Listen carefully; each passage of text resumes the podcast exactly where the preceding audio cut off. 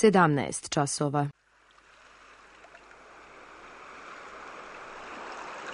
Radio Televizija Srbije. Radio Beograd 2.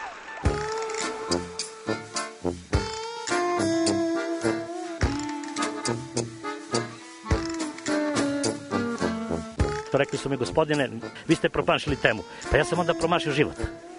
I ne znam šta će da bude sam. Kaže, ja ne mogu više te čuvam. Šta da ti radi, kaže, snađi se kako znaš. Mi smo kao u kafesu. Za nas to je najmrtvo. To je mrtvo za nas, naročito. I ja bih želela neko da me usvoji. Da bih želela. Govori da bih te video. Program dokumentarnog zvuka.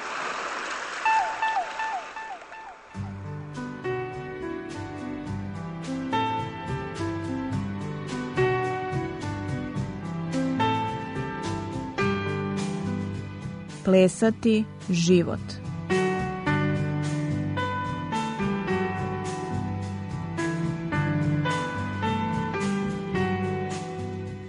Zovem se Milica i odlučila sam da, da se rodim u Zemunu, kraj Dunava. Ja sam Milica koja volim život, koja volim da plešem život. E, u ovom momentu mog života kad imam 50 godina, Zahvalna sam za sve to što mi je život dao. Do, do sada i nastavljam dalje, radim kao restaurator i konservator rukopisa i antičkih knjiga u Firenci. A pored toga, već da, skoro 20 godina bavim se plesom, plesnom terapijom kao jednom od e, načina e, nege i lečenja mo, moje ličnosti, mog tela, moje psihe, mog srca, pre svega moje duše to je jedan od instrumenta koje koristim. Kroz druge oblike, e, preko restauracije rukopisa i antičkih knjiga, kao da vraćam mogućnost života mrtvom materijalu pod znacima navoda i konserviram to kako bi dala mogućnost da to oživi ponovo i da to bude na raspolaganju kulturnoj baštini svim ljudima koji se bave time, jeli, koji žele da uđu u taj svet, a u ovom momentu i kao plesni terapeut, znači kao neko ko, ko posreduje toj nezi žive, žive materije, žive duše. I to mi je fantastično sada jer tu postoji kao nekakva integracija ta dva sveta, jeli, kao kompatibilnost mrtve i žive materije po znacima navoda i to mi je fantastično. Svojim stimulansima između ostalog postoje i tačke.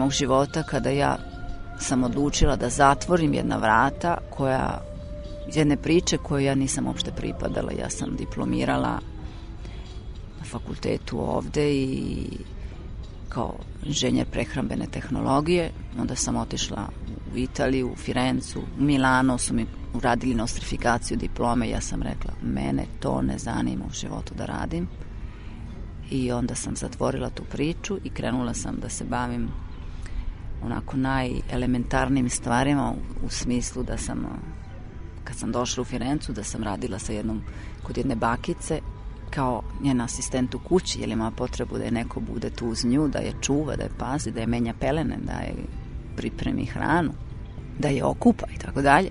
Da sam živela sa njom i kad, nakon njene smrti onda sam ostala u njenom stanu još tri meseca pa sam krenula da radim u restoranu kao da perem posuđe, one šerpe koje su bile veće od mene, sa sve rukavicama, sa svim tim talozima koji su mi ulazili u rukavice. Ja kažem, ne brini, sve će to da sve će to da bude fertilno jednog dana. Pa onda odatle sam krenula da radim kao konobar, pa kao barista, barmen, jeli, pa ne znam, I jednog momenta sam se vratila u Beograd iz Firence, da posetim moje roditelje, jeli? I tada sam se susrela s mojim prijateljicama koje su isto tako inženjeri i koje su završ, rekli su mi da su završile kurs srednjovekovnog poveza knjiga. Ja kažem, šta je to? Wow! Pa kažem, pa to je za mene. Kao da mi se upalilo nešto, neka lampica, jeli, i ja sam tu spoznala gde je ujedinjenje moje kreativnosti, moje manualnosti i sašila sam moju prvu knjigu sa njima i otišla sam u Firencu i onda je tako sve krenulo da se, da se sklapa taj puzzle. I primili su u nacionalnu biblioteku gde je zapravo taj konkurs bio suspendovan 10 godina, primili su me da volontiram, onda sam se tu obučila. Iako su mi rekli da je jako teško da se uđe od tamo, ja sam rekla probaću, primili su me, onda su me uzeli kao predavača na jednom projektu za za uključivanje lju, osoba jeli, koji imaju specijalne potrebe u svet restauracije. Ja sam bila predavač šest meseci, nakon toga sam još ostala da volontiram šest meseci, pa sam čula da postoji u Rimu institut za patologiju knjige. Onda nakon toga sam otišla da pohađam i tamo ispite i tamo su mi rekli, znaš šta, ja se vraćam 3-4 puta niko da položim, kažem idem pa ću da probam. To je bilo masakr, masakriranje, ispiti na sve strane, uglavnom sam ja ta prošla, to je bilo fantastično. I nakon toga su oni mene učlanili u, u asocijaciju restauratora na nacionalnom nivou. I nakon toga, kažem, šta sada? Ukaže se jedna prilika, jedan divan prostor u jednom, jednoj, jednoj staroj palači koja je namenjena samo za umetnike. Ukaže se ta, ta jedna slobodna, slobodan je atelje I onda su me pitali moji prijatelji da li može da me zanima da ja otvorim laboratoriju. Ja kažem, da otvorim laboratoriju? Ja nemam novaca. Kako da otvorim laboratoriju? Uglavnom, ja sam tu odlučila da napravim taj korak i, i otvorila sam laboratoriju, ne znam na koji način, ali to se materializovalo sa svim mojim prijateljima. Skupljala sam sve te prese, sve te stege i sav taj materijal koji je ogroman, to je sve e, staro od 1800. godine ima ogromnu materijalnu težinu, ali ja sve to koristim, sve to mehanički, nije to ništa tamo da je za ekspoziciju, jer radim na divnim stvarima, sve lepšim i lepšim. Trenutno radimo na pergamentima jedne plemičke familije u, u Firenci, Guicciardini, i radimo na pergamentima iz 1300. te 1400. godine. To je njihov uh, kućni materijal, da kažem, oni imaju svoj arhi, arhiv koji se zove Bardi i koji je nastradao u Firenci 66. godine kad je bila velika poplava i mi dan danas radimo na, tim, na tom materijalu, poplavljenom materijalu. E, predavala sam tri godine na Akademiji Breri u Milanu, to je isto bilo jedno divno iskustvo sad sam odlučila da se bavim više e, pored restauracije kojim se bavim u Firenci, da se bavim i više plesnom terapijom. Eto, to je, da kažem, moment, trenutni moment. Ležernost i dubina.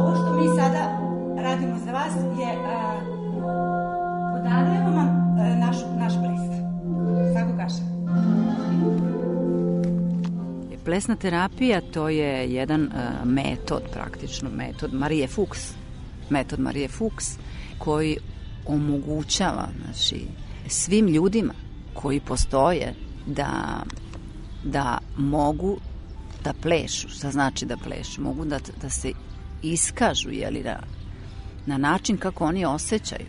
Ovo što o, je ona e, zapravo izmislila, možda se kaže kao metod, to je tali, toliko revolucionarno u smislu da je to metod koji omogućava svima ljudima i ljudima koji ne vide, ljudima koji ne čuju, ljudima koji su na, na pokretnoj stolici, ljudima koji su u, u ceo život zavezani za, za krevet, ljudima koji su izgubili, da kažem, na neki način pamćenje, koji, koji su izgubili konekciju sa ovim svetom, da, da oni zaista se sete da su živi preko te muzike jeli, koja može da ih e, evocira na život, koja može da ih e, evocira da oni mogu da osete i kroz sam pokret jedne ruke, jednog prsta, da se pokreće čitav život u njima i da su živi. Eto, to je ono što je revolucionarno kod Marije Fuchs. Isto tako kad pomislimo da jednostavno tišina ima svoj neki ritam i da je sama tišina muzika. I da sama tišina može da se pleše. I da sama tišina može da ima neki svoj pokret. I to što je povezano za prirodu i ovo drvo jeli, koje je tu i, i taj list koji pada može da se pleše. Ima svoj neki ritam. Znači za mene to je ples života mene su pokušavali na mnoge načine da usmere na klasičan balet, na klasičan ples, na koreografski ples, ja sam to uvek odbijala, ja to ne mogu. Ja ne mogu da plešem kako mi neko kaže. Ja moram da plešem onako kako osjećam. Koji ova lasta i ona, njoj niko nije rekao kako ona treba da leti sada. Ona leti i pleše sa vazduhom, jeli, koje kao funkcija omogućava da se materializuje njen ples. I mislim da isto tako u nama sve to postoji. Ta neka povezanost sa svim tim mislim da je od fundamentalnog značaja za sve nas. Jer e, samo tako možemo zapravo da, da se povežemo sa svim ovim što je oko nas. En el año 42, mirando un árbol en otoño, una hoja que se caía, decía hacer ese tipo de danza. y cuando traté de buscar música no la encontré. Y entonces pregunté a la hoja del otoño, ¿para moverte necesitabas música? Y la hoja me contestó, no, necesitaba viento. Y entonces comencé a buscar en los ritmos internos la posibilidad de mover mi danza y mi cuerpo. Nakon uh smrti moje sestre, ja sam imala 30 godina, e, ja sam osjećala da treba idem prema nekoj veštini koja će me staviti u susret sa mojim telom, koja će mi povratiti na neki način osjećaj da sam živa. Ne? Onda sam počela se bavim plesom i u toj školi plesa sam saznala da, da postoji jedna plesačica koja se zove Marija Fuchs i koja živi u Buenos Airesu, koja je tada pre Znači imala 70 i nešto godina, sad ima 96 i još uvek je u životu. Pleše, sada sve manje i manje, pleše prema drugoj dimenziji. E, saznala sam za nju i onda sam a, otišla na taj prvi seminar sa njom, gde je to zaista bilo fantastično. Ja sam kao želela u tom momentu da saznam nešto više, da saznam, jeli, preko glave, ne preko srca, pa sam je pitala nešto Pitala sam je kakav ja imam problem. Ona kaže, kaže ti nemaš nikakav problem. Kaže, hvala. Tu se, tu se meni otvorio neki svet zaista osjećaja, osjećanja nekih novih, novih sensacija. Sećam se da sam imala oko glave uvezanu nekakvu traku, kao da mi je zadržavala moje misli, kao da mi je, ne znam, blokirala glavu, jeli, koja mi je više dala mogućnost da se bavim telom, ne sa glavom. E, I nakon toga tu mi se otvorila ta neka nova putanja, jeli, neki nove, novi, novi vidici gde sam ja počela da se informišem sve više i više u vezi sa tim, da sam susrela Pio Campo, to je moj sadašnji učitelj, njen uh, učenik, koji je po poreklu italijan, a koji živi u Brazilu već 30 godina i koji je isto tako u nekih 30 godina, 30. godine života dok je žive u Milanu, bavio se modom, oblačio Armani. U jednom trenutku svog života rekao kakvog smisla ima život ovako? Šta ja mogu da ostavim iza sebe svemu tome?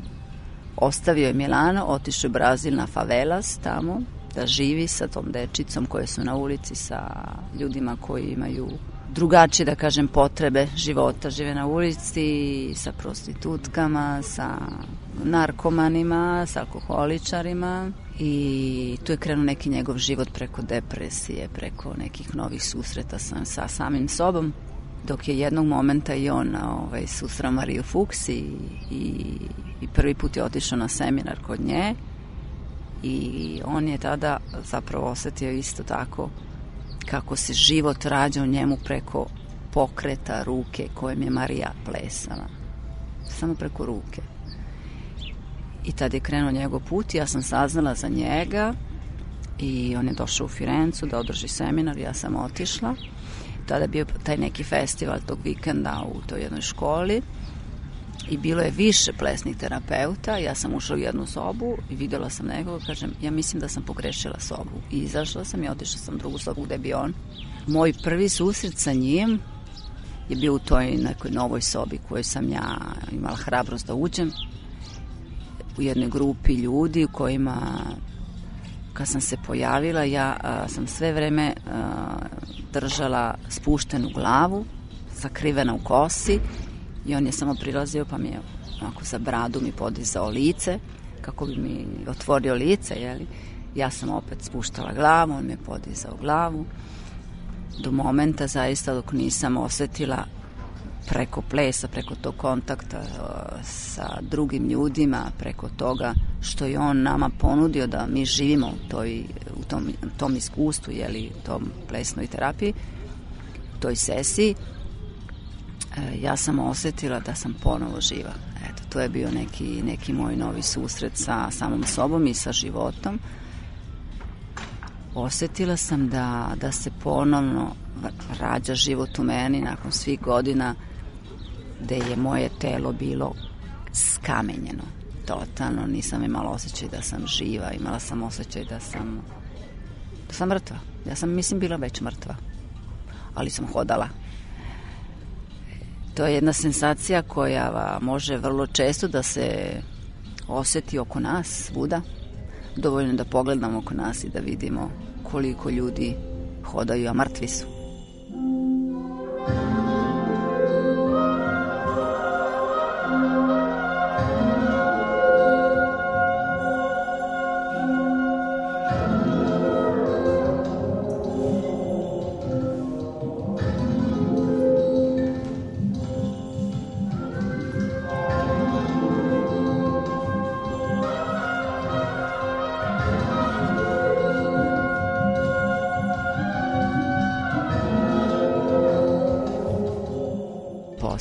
plesni terapeut, napravila sam, da kažem, taj prelaz, jeli, od uh, učenika na neki način, a nekog ko može da prenosi drugome, bez toga da treba nekoga nešto da učim, nego da mu prenesem jednostavno moje iskustvo. Presneća sam sam počela to da prenosim, teško bi da pričam. počela sam da kažem od moje majke koja ima 82 godine skoro i koja je pre dve godine krenula na put za Brazil sa mnom na seminar, intenzivni seminar plesne terapije. Wow! Gde smo plesali zajedno i to je bilo fantastično. Moja majka koja je izgubila čerku sa 29 godina videti da pleše, to je bilo fantastično videti je da e, na način na koji ona sada emituje tu njenu svetlost, je li to sve što je ona preživela i to što je transformisala u sebi i tu živahnost, tu volju za životom, to kao dete se raduje.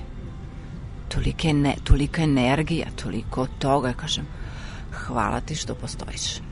Ona je e, neko vreme ona znala, ona je znala godinama čine se ja bavim, ali kao majka nekada može da strepi, kao zna, ja živim u nekoj drugoj planeti, da kažem, nekoj drugoj zemlji, na velikoj distanci, ali onda kad je došla, kad je probala, kad je ušla u seminar, kad je osetila, kad je bila zagrljena od, od čitave te plesne familije, to je bilo fantastično. Kada je ona njima održala govor na, na srpskom jeziku, dok sam ja prevodila, to je za mene bilo toliko fascinantno da zaista sam se, uh, sa knedlom ustima sam sve vreme prevodila i ta njena volja da ona prenese njima svima da je život zaista lep i da ga treba živeti i hrabro i svaki dan će biti bolji. Eto, to je zaista bilo e, najjasnija poruka svega toga. Molim imate prostora da ja znam ovo, ne znam, se možete zidova, ima vas mi imitiraju. Da?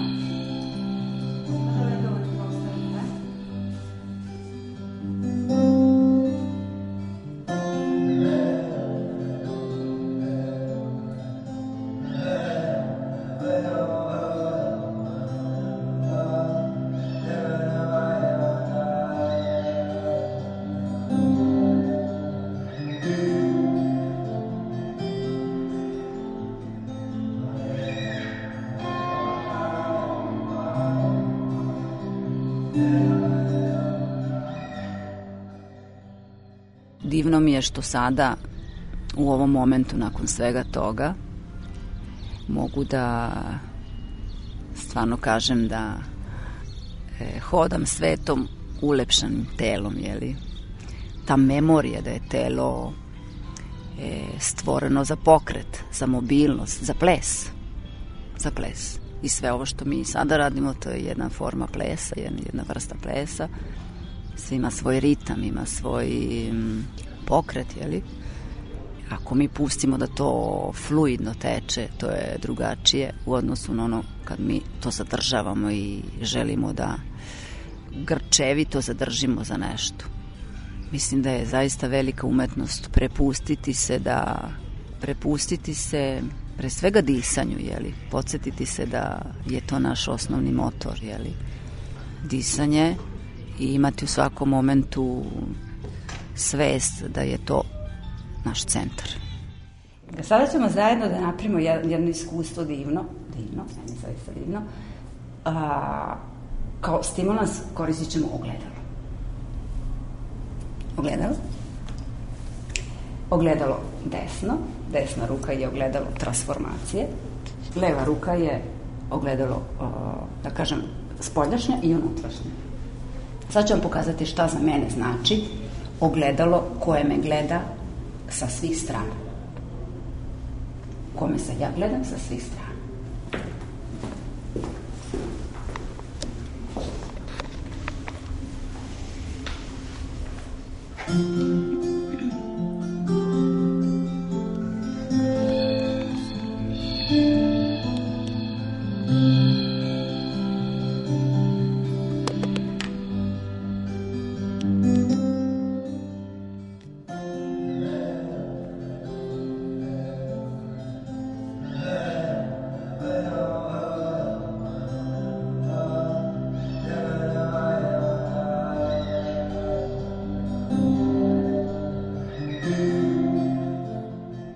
Ljudi često nemaju uopšte nikakav kontakt sa telom i vrlo često figurativno se telo maltretira.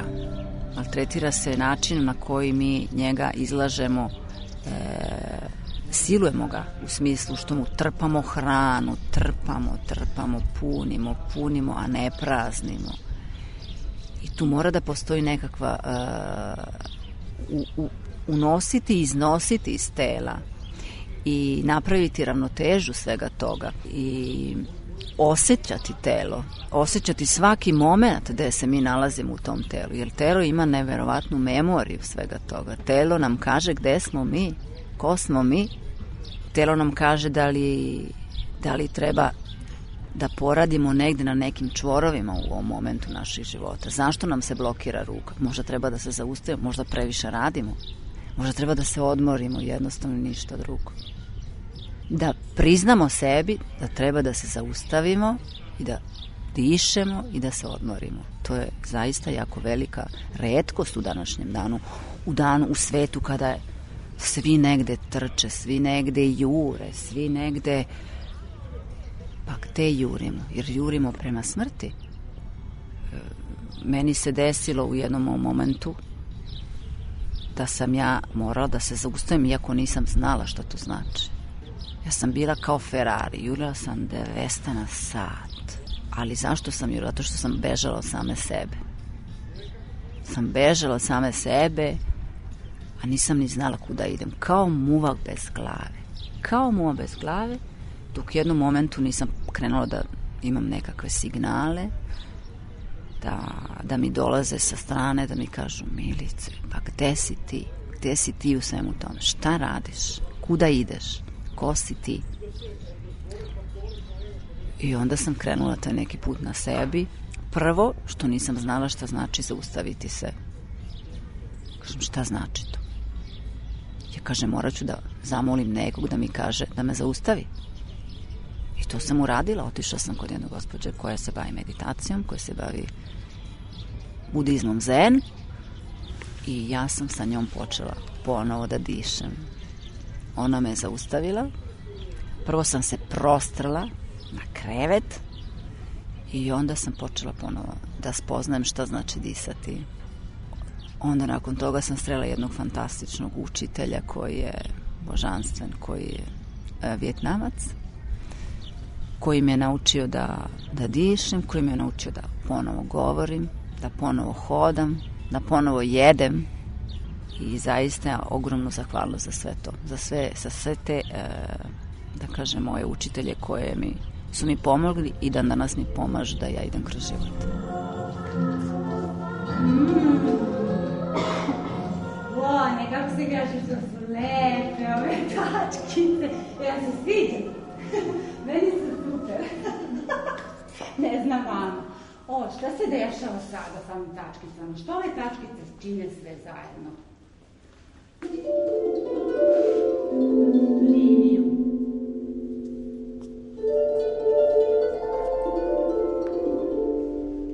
Sve tačkice zajedno čine jednu liniju. Ja mislim da sve ovo što se desilo u mom životu se desilo zato što je na neki način to tako trebalo da, da se desi i ne zato što ja verujem u sudbinu, nego ja verujem da mi smo imamo jednu kreativnu energiju koju možemo da da menjamo. E, iako se to zove sudbina ako se to zove ne znam na koji način se zove uopšte mi nije bitno kako se to zove ali jako mi je bitno da znam da ja u svemu tome sam glavni akter jeste i da ja to mogu da promenim u svakom momentu da promenim ono što nije za, za mene da ga prepoznam pre svega da imam te percepcije pre svega da ga prepoznam i da nađem instrument da ga promenim, eto, da ga transformišem. To je fantastična spoznaja za mene.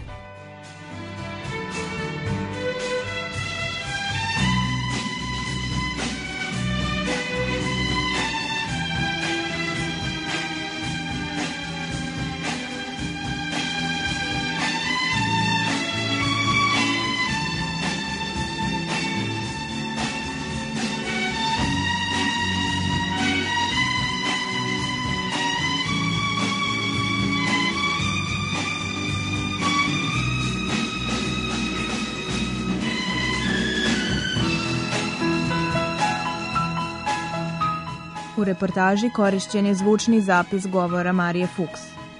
Za slušaoce plesala je Milica Popović. Ton majstor Ivan Lukić, autor Milena Radić.